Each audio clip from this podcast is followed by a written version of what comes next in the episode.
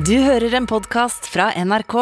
Ja, den første nyttårsdagen skal gjengen fra Harry Potter-filmene møtes igjen på, på strømmekanalen HBO Max. Men den anerkjente forfatteren bak bøkene, JK Rowling, hun skal da ikke være med.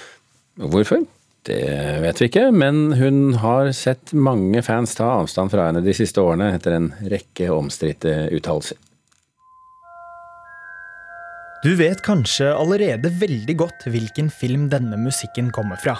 Men hvis ikke, så skal du få et lite hint. Dear Mr. Potter, we are pleased to inform you that you have been accepted at Hogwarts School of Witchcraft and Wizardry. Det er selvfølgelig fra universet til Harry Potter og historien om den foreldreløse gutten som gjennom magi og vennskap redder verden. Et univers som er elsket blant millioner av mennesker, og som ikke hadde vært noe av uten forfatteren bak bøkene, JK Rowling. Men etter en rekke twittermeldinger vendte mange fans ryggen til henne. JK Rowling eh, klarte jo å komme med noen litt eh, sleivete bemerkninger om transpersoner på Twitter i fjor. Og det skapte en storm i sosiale medier. Hun ble anklaget for å, være, for å hetse transpersoner. Dette er Cecilie Asker, kulturredaktør for Aftenposten. Hun forteller at det ikke er første gang Rowling har kommet med lignende kommentarer. Hun har tidligere støttet en del litt omstridte kjønnsforskere.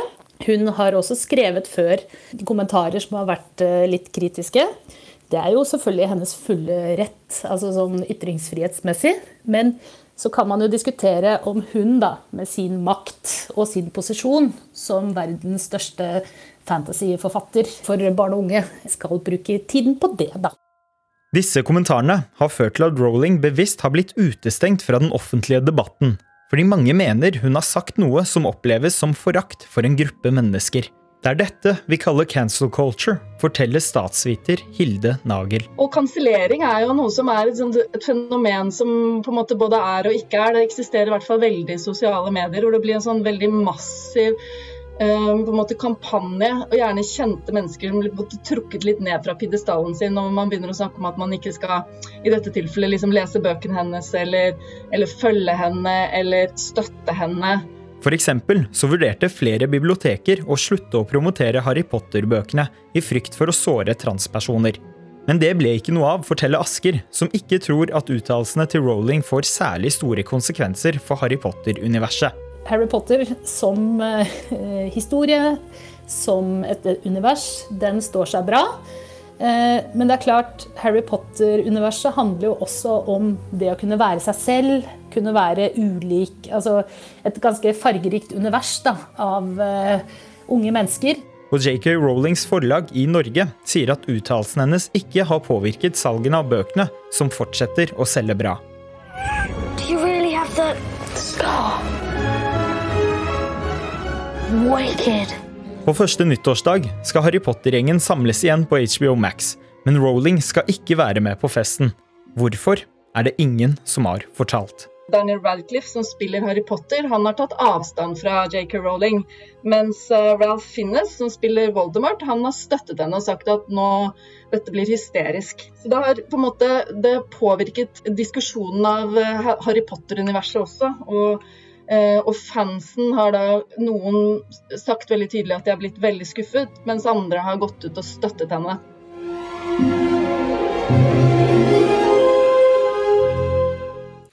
Reportere her Sier Makne Matpour og Emily Louisa Millan Eide. Da skal vi tilbake til London igjen, og korrespondent Gry Blekastad Almås.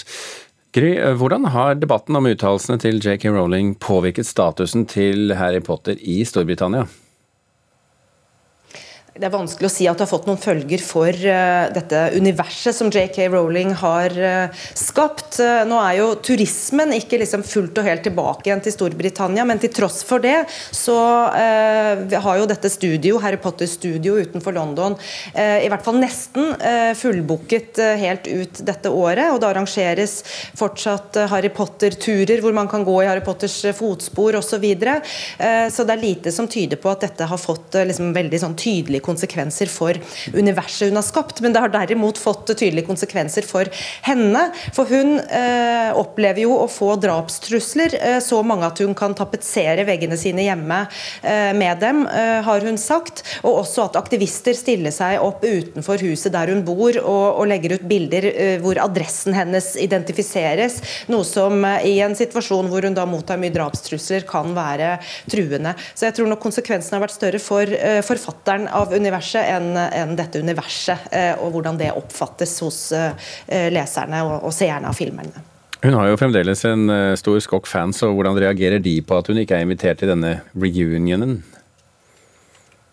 Nei, Det er jo de som absolutt har reagert på at uh, noen av skuespillerne, og, og, disse tre hovedskuespillerne uh, først og fremst, da uh, overhodet ikke nevner henne når de legger ut på sosiale medier ting knyttet til dette jubileet nå, og hvor de takker hverandre og alle som har vært med på produksjonen osv. At de da ikke engang nevner kvinnen som var opphavet til det universet som har skapt deres yrker og, og, og de livene de lever nå, og deres stjernestatus status. Altså det er noe i dette at hun nærmest har blitt eh, Voldemort eh, selv, den som hvis navn ikke skal nevnes?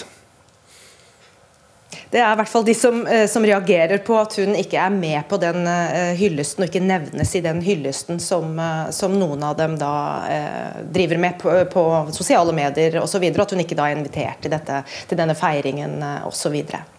Korrespondent Gry Blekastad Almås, takk for i dag. Da skal det handle om den norske kunstneren Nikolai Astrup. Da han ble presentert i en stor utstilling i London i 2016, skrev avisa The Guardian at han burde vært like kjent som Edvard Munch, men at han er blitt glemt. Nå viser Kode i Bergen utstillinga Rå natur. Det er den mest omfattende Astrup-utstillinga på lang tid. Og Mona Palle Bjerke, kunstkritiker her i NRK, hvem var Nikolai Astrup?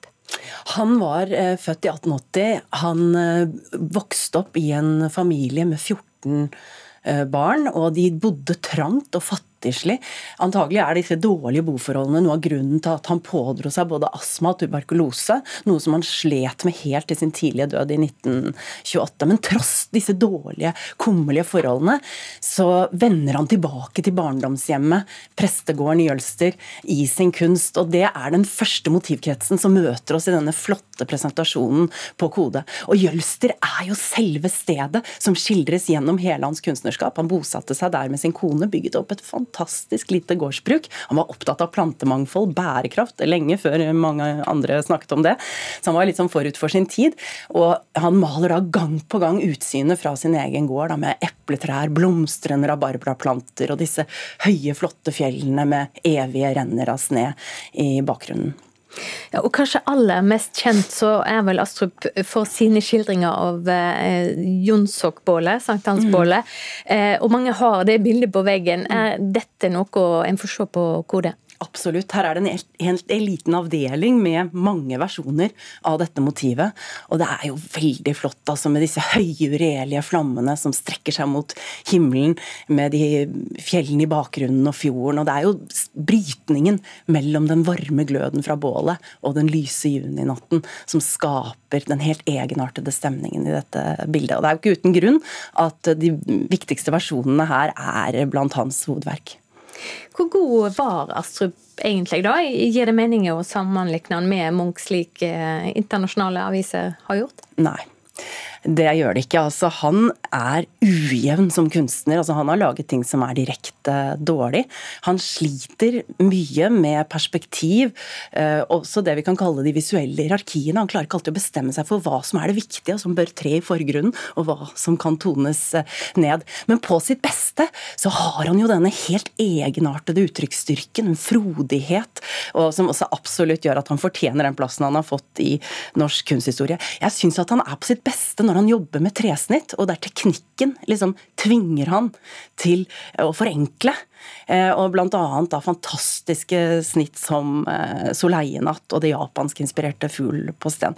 Men måle seg med Munch, det kan han definitivt ikke. Men Vil du si at utstillinga likevel er verdt et besøk?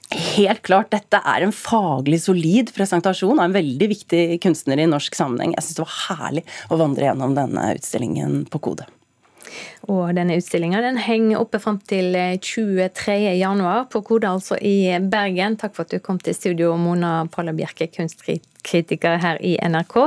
Og hele denne anmeldelsen fra Mona den kan du lese på nrk.no anmeldelser. Norge er nøytralt. Absolutt ingen har lov til å angripe oss. Det kommer.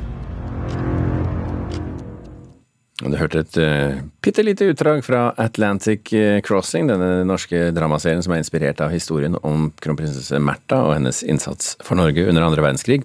I natt vant nemlig denne NRK-serien den internasjonale Emmy-prisen for beste TV-film og miniserie. Altså, En Emmy er jo det, det, det er ikke noe høyere enn det. Så det betyr jo eh, selvfølgelig en kjempestor anerkjennelse på et personlig plan, men forhåpentligvis vil jo også dette åpne dører for oss, sånn at vi kan få produsert nye ting. Kulturreporter eh, Jonathan Gåthaug Nilsen, eh, på en skala fra én til ti, hvor, eh, hvor viktig er kanskje vanskelig? Hvor viktig er denne prisen? Veldig viktig. Ja. Det er På skala fra 1 til 10, veldig viktig. Veldig viktig.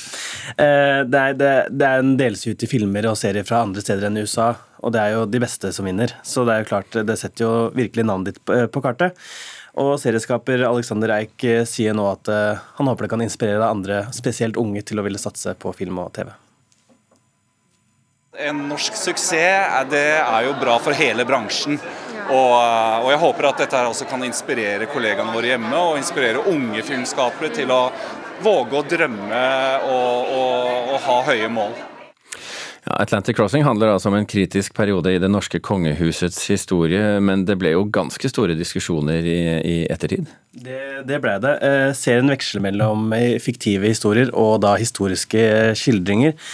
Eh, fordi mye av den tiden fins det finnes ikke mye dokumentasjon på liksom kronprinsesse Märtha Louise' reise. Eh, og det har skapt eh, store uenigheter. uenigheter ja. Ja. Eh, spesielt hos eh, Tore Rem og Tor Boman Larsen, to forfattere som ikke synes jeg er kritisk til hvordan da kronprinsessen ble, ble portrettert mm. i, i serien. Ja, ja. Vi gratulerer uansett Atlantic Crossing vi med den internasjonale Emmy-prisen, og takk også til kulturreporter Johan, eh, Jonathan Gåthaug Nilsen. Du har hørt en podkast fra NRK. De nyeste episodene hører du først i appen NRK Radio.